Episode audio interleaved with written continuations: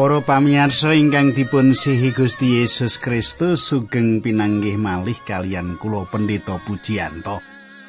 Kados padatan kula badhe sesarengan kalian panjenengan wonten ing salebetipun adicara margi utami adicara ingkang sampun panjenengan antos-antos kateng kula. Inggih kados padatan kula badhe ngaturaken dumateng panjenengan wawasan-wawasan ingkang saged nambahi pangertosan panjenengan ing salebetipun kayektosan kayektosan ing kitab suci menika lan ugi supados panjenengan saged nyemak saben kayektosan menika lan tundhonipun panjenengan nampeni berkah secara kasukman lumantar adicara menika lan menapa ingkang kula aturaken menika mufangatipun ageng tumrap gesang panjenengan.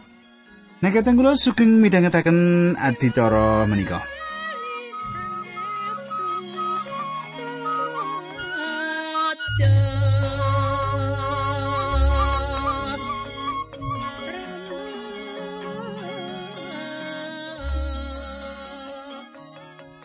Para pamirsa menapa panjenengan tasih kemutan menapa ingkang kula aturaken duk nalika pepanggihan kepengkaran menika nggih sekedhik-sekedhik Pak.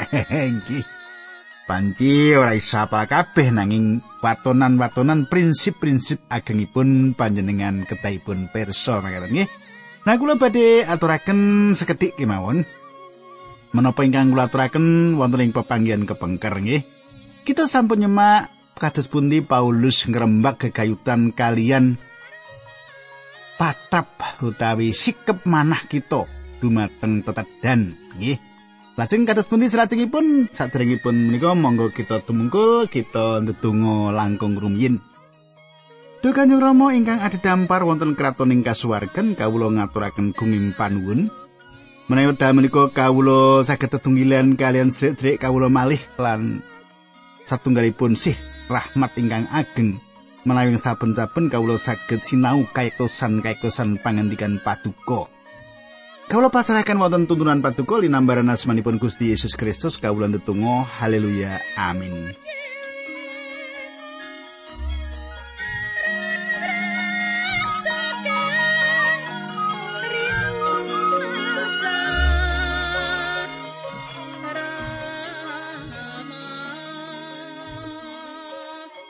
Para pamirsa ingkang kula tresnani samenika pasinaon kita sampun lumebet ing serat Rum 18 ayat 3. Paulus saged nedha tetedan menapa kemawon tanpa wonten raos menapa-menapa ing telenging manahipun.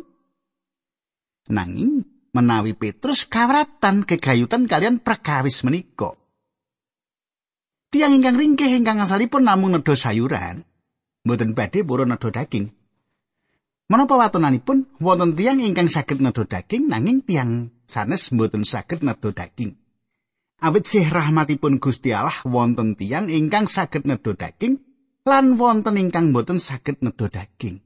Cobi Cobi panjenengan gatosaken pangandikanipun Paulus menika wonten Rom 18 ayat 3 nggih panjenengan semak Rom 18 ayat 3. Wong sing rumangsa bebas oleh mangan apa wae kuwi aja ngina.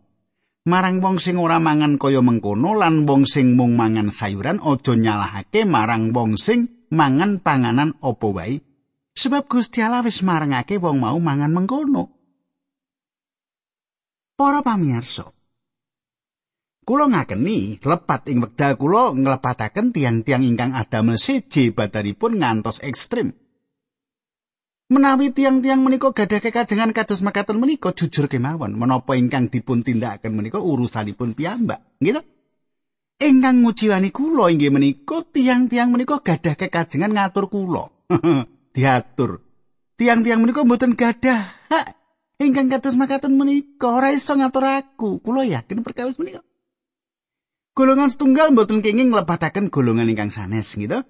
Menawi panjenengan yakin bilih panjenengan kedah mboten daging, panjenengan mboten sisah nedha daging. Nanging menawi panjenengan yakin menawi panjenengan saged nedha daging, mila monggo, monggo panjenengan nedha daging. Kula ajeng-ajeng panjenengan cetha menapa ingkang kula aturaken menika. Samenika ayat sekawan. Kowe kuwi sapa to? Dene arep nyalahake abdine wong liya. Mung bendarane wong kuwi dhewe sing wenang netepake apa wong mau tangi apa tiba bener apa luput. Yen wong mau tangi utawa bener kuwi mergo Gusti Yesus sing maringi kabisan marang wong mau. Para pamirsa panjenengan gatosaken. Menika ngrisak sanget nggih menapa ingkang dipun sanjangaken patrap tiang-tiang ingkang ngadili menika ngrisak sanget. Paulus tanglet apa hakmu ngadili abdine wong liya?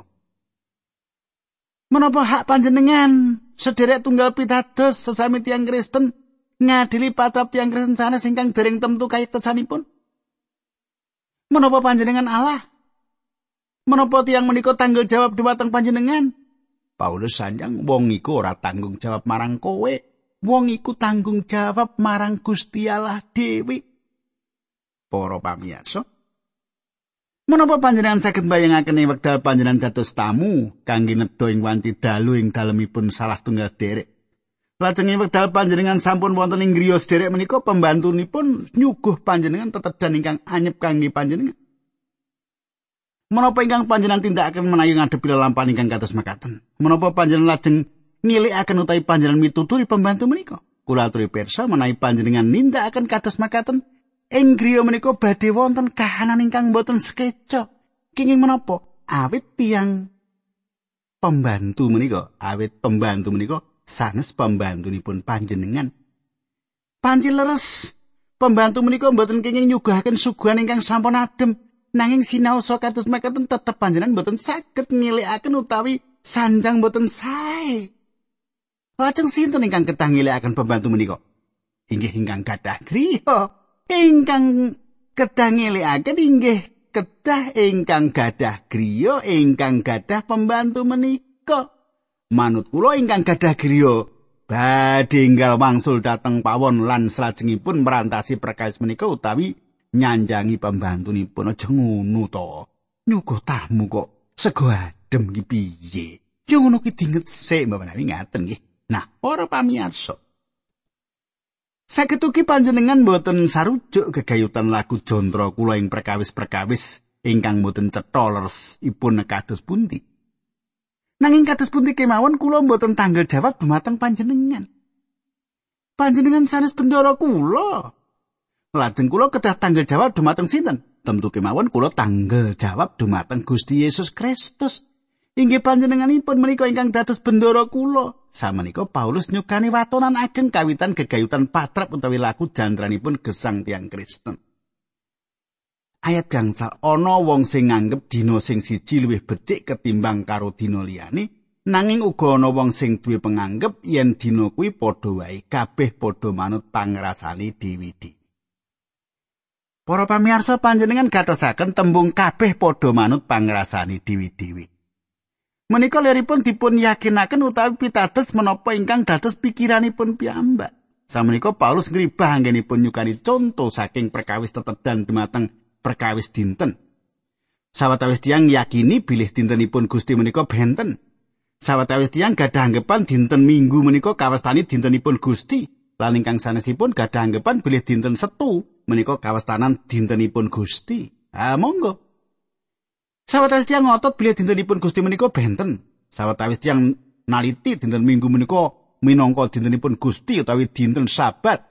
Lan sawetawis tiyang sanesipun naliti dinten Sabtu ingkang dados dintenipun Gusti utawi ingkang dados Sabat. Sanes dinten ingkang kedahan dadosaken benten nanging ingkang bentenaken inggih menika tiyang pitados. Dinten mligi sanes perkawis ingkang penting. Paulus ngendika Kolose sekali ayat 16 Kolo sekali ayat 16 mulane kowe aja padha manut karo pernatan-pernatan bab panganan utawa omben-omben utawa bab dina-dina suci utawa bab karamean sasi anyar utawa dina sabat. Ampun panjenengan nangkretaken dumateng kula dinten ingkang pundi ingkang kula pilih ingkang kula dadosaken dintenipun Gusti utawi dinten sabat. Kula mboten tanggal jawab dumateng panjenengan, kula tanggal jawab dumateng Gusti Yesus. inggih panjenenganipun menika ingkang dados bendara kula. Nggih Eh, Pak Puji kak ngono ya. Ah, iya, gitu. Nah, kula kan ngaten nggih. Wong jenengan rambayar aku adik nggih. Para pamirsa. Eh wekdal kula tasih dados mahasiswa seminari wonten dosen kula ingkang nganut keyakinan sabat ingkang kaku. Dosen kula menika nglarang kula sedaya nindakaken kegiatan menapa kemawon ing dinten Minggu kados to umbah-umbah, olahraga lan sanes-sanesipun. Dinten Minggu menika dinten sabatipun Paulus ngendika menapa kemawon ingkang kita tindakaken kita kedah sawetahipun pitados yakin lan ngandel dumateng pikiran kita bilih menapa ingkang kula yakini menika leres lajengipun kabeh padha manut pangrasani dewi-dewi. Leripun menawi dipun jarwakaken secara harfiah inggih menika dipun penuhi ngantos luber. Dipun kebai ngantos luber pikiran, manah, kekajengan, kepribadian sawetahipun. Tiang pitados kedahipun namung nindakaken perkawis-perkawis ingkang dumateng piyambakipun, piyambakipun saged masrahaken badanipun sawetahipun kanthi golong gilik para pamirsa menapa kemawon ingkang panjenengan tindakaken kunjuk Gusti Allah panjenengan kedah nindakaken kanthi semangat Manut kula cara tiang dateng gereja ing dinten Minggu menika saged anda tengaken dosa. Lho kok saged Pak? Menapa panjenengan saged bayangaken tiang-tiang kisah nonton pertandingan bal-balan kanthi patrap ingkang boten semangat kados ing wekdal rawuh wonten ing gereja. Secara pribadi kula mboten remen bal-balan, nanging kula mboten maido tiang-tiang ingkang nonton menika urusanipun piyambak.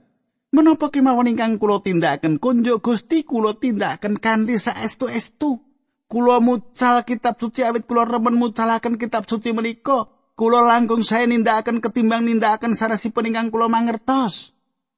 Salah setunggal sebab pendamelan gereja macet sami kados dene kahananipun samenika inggih menika kirangipun adreng utawi mempeng. Wonten ingkang dipun suwun mucal sekolah minggu tiang menika sanjang ya. Menawi panci mboten wonten tiang kang purun kula badhe mucal. Langkung saya menawi jawabanipun kados makaten mboten sisa nderek lados. Menawi panjenengan ladosi nanging ketinggalipun mboten gadah niat ora sang layani. langkung saya kelas sekolah minggu menika mboten sisa dipun wucal tinimbang dipun wucal guru ingkang mboten nyeng semaken lan mboten niat gitu Sahabat awis tiang sejatasipun wonten ing salebetipun dosa nanging pelatusan wonten ing gereja watonan ageng ingkang kawitan inggih menika kabeh padha manut pangrasani dewi-dewi. Nah, samenika kadang kula monggo kita sinau gegayutan watonan menika salajengipun. Tiang-tiang mliginipun para nem-neman asing tanglet dumateng kula menapa nindakaken menika lan menika lepat. Kula atur wangsulan aku ora nakokake perkara kuwi. Nek aku duwe karep nindakake aku bakal nindakake apa kang kudu tak tindakake kanthi niat Ingkang dipun kajengaken inggih menika panjenengan gadah setunggal pitekenan satunggalipun perkawis kabeh padha manut pangrasani dewi-dewi. Leripun apa? Leripun kedayakin. Para pamirsa, tembung-tembung menika inggih menika watonan juru panuntun ageng. Menawi panjenengan gadah setunggal pitakenan ing salebetipun pikiran gegayutan kalian satunggalipun perkawis ingkang panjenengan tindakaken, menapa kemarin menika? Panjenengan gadah raos menawi ingkang panjenengan tindakaken menika lepat, saged ugi kangenipun kula mboten lepat. Nanging mesti kemawon panjenengan gadah rerausan menika ingkang badhe panjenengan tindakaken menika lepat. Menapa panjenengan tasih emut ing wekdal Simon Petrus saking ketebian akan Gusti ing wekdal Gusti Yesus dipun cepeng. Petrus kesah dateng pelatoran ingkang jembaring pengadilan Imam Agung. Wonten abdi Gusti ingkang nate dateng Yerusalem nyariosaken bilih ing wekdal Sang Surya mletek ketinggal kutha Yerusalem menika padang jinglang ngantos dumugi ngare Kidron. Ing mriku wonten gereja ingkang dipun wastani gereja ayam jantan kluruk. Ayam jago kluruk nggih. Gereja menika mapan ing pas wonten ing papan pengadilan Imam Agung nalika semanten griyanipun Kayapas ugi wonten ing mriku. Inggih ing papan menika ingkang dipun datengi Simon Petrus lan wonten ing mriku Simon Petrus nyelaki Gusti Yesus ngantos kaping 3. Piyambakipun sanjang menawi mboten tepang kalian Gusti Yesus aku ora kenal. Aku ora ngerti apa sing tak kandhake. Aku ora kena. Kula yakin pilih kedahipun Simon Petrus mboten sisa dateng mriku dalu menika nanging Yohanes. Ketinggalipun manggen wonten ing Yerusalem lan dipun tepang ing kraton Imam Agung, piyambakipun ugi kisah dateng mriku nanging mboten nyelaki Gusti nipun. Mboten wonten masalah menawi Yohanes ingkang wonten ing mriku. Nanging mboten makaten menawi Simon Petrus ingkang wonten ing mriku. Simon Petrus inggih menika satunggalipun tiang ingkang ringkih. Para pamirsa. Samenika niki nggih, samenika niki nggih. Sederek ingkang ringkih ingkang dados sederek ingkang pinisah. Nggih. Sing ringkih iki pinisah. Saketuki ketinggalipun aneh tumrap panjenengan. Nanging tiang-tiang ingkang ngawontenaken wewaler kekayutan ingkang kenging lan ingkang boten kenging namung saged nonton. Tiang-tiang menika wonten ing golongan ingkang ringkih kateng kula ing wekdal tasih dados mahasiswa seminari kula ningali wonten sawetawis rencang ingkang ketinggalipun saestu suci lan saestu rohani.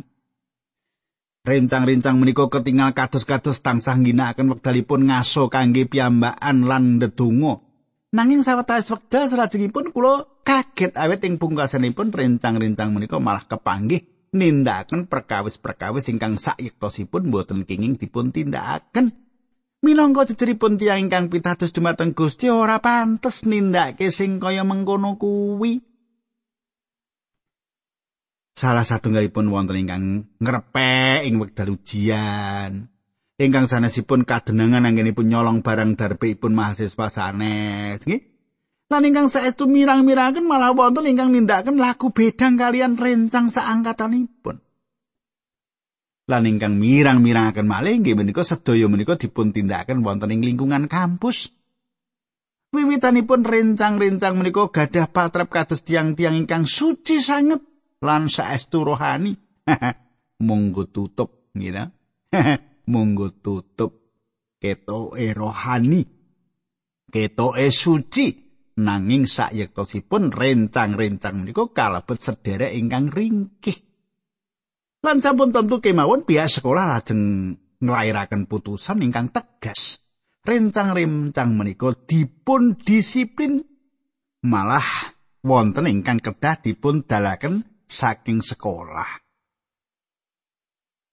Para pamirsa ingkang kula tresnani satunggalipun perkawis.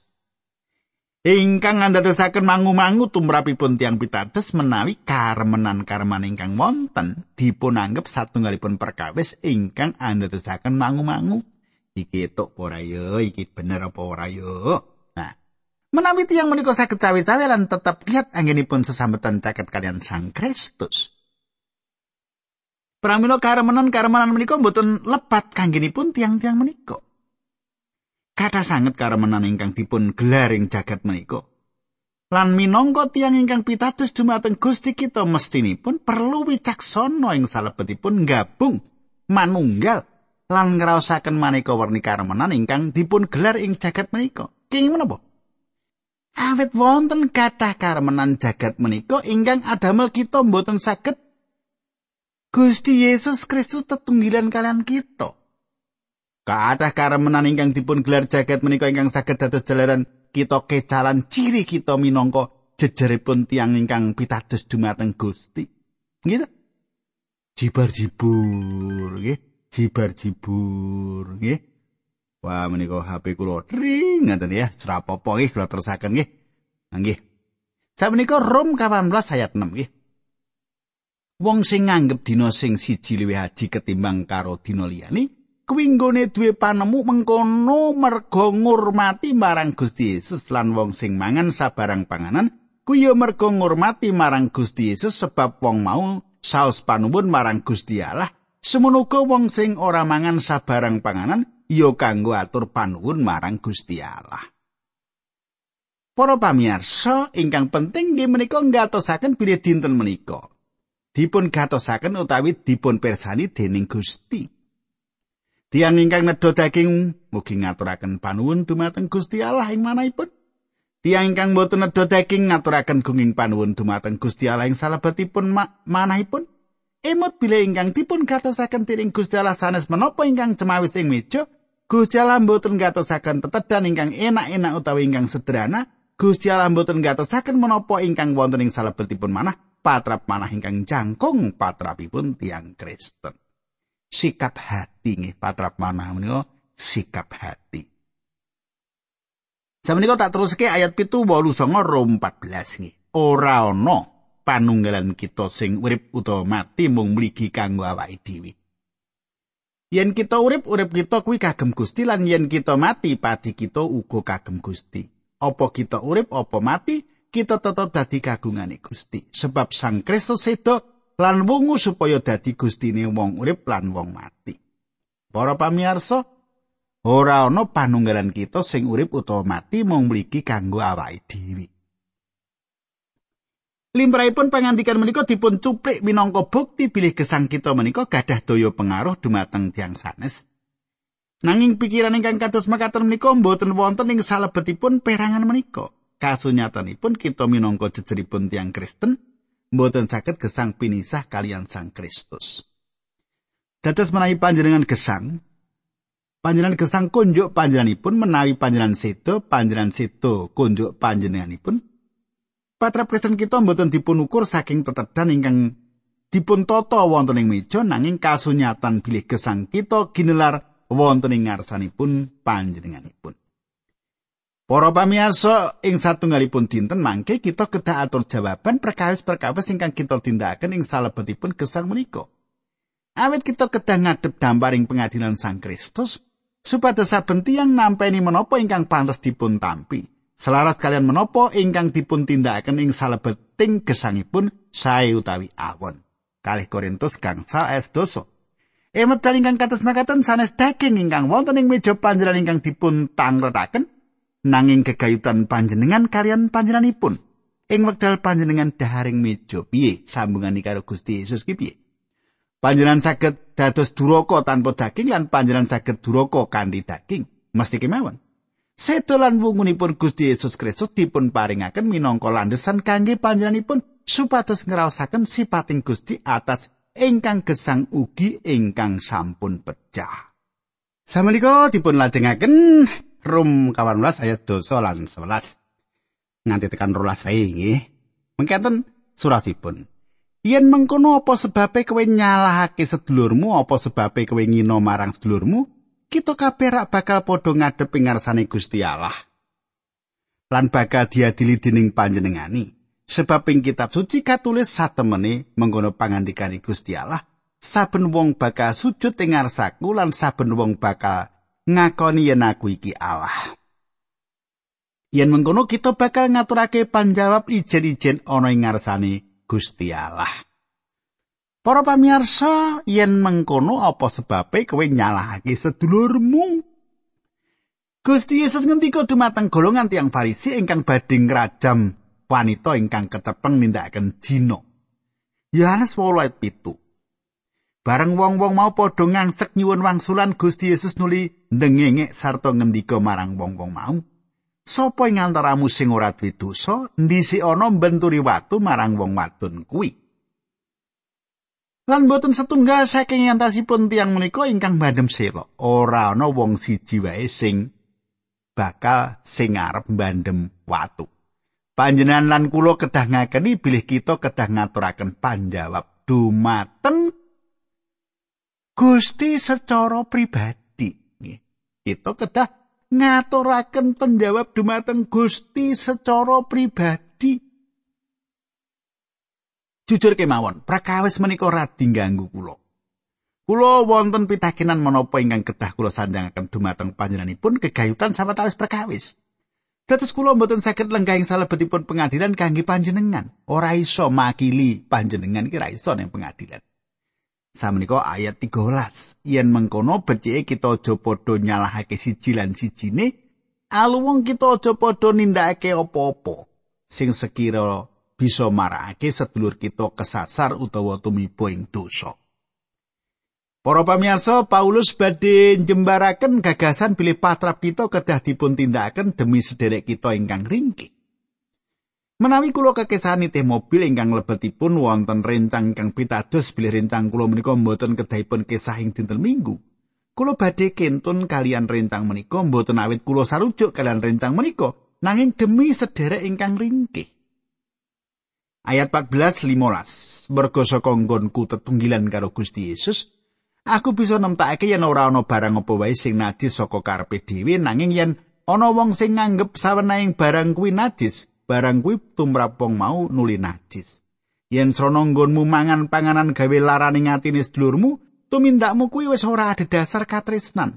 Nggonmu mangan kuwi aja nganti njalari wong liya kesasar, sebab Sang Kristus wis nglampahi sedo kanggo wong mau. Para pamirsa, awit Gusti Yesus rela sedo kangge sederek ingkang ringkih, mesti kemawon kita kedah rilo ngendhaleni diri kangge mboten nedha menapa-menapa utawi nindakaken menapa ingkang badhe nyakiti sederek kita ingkang ringkih ing salebetipun gesang Kristen.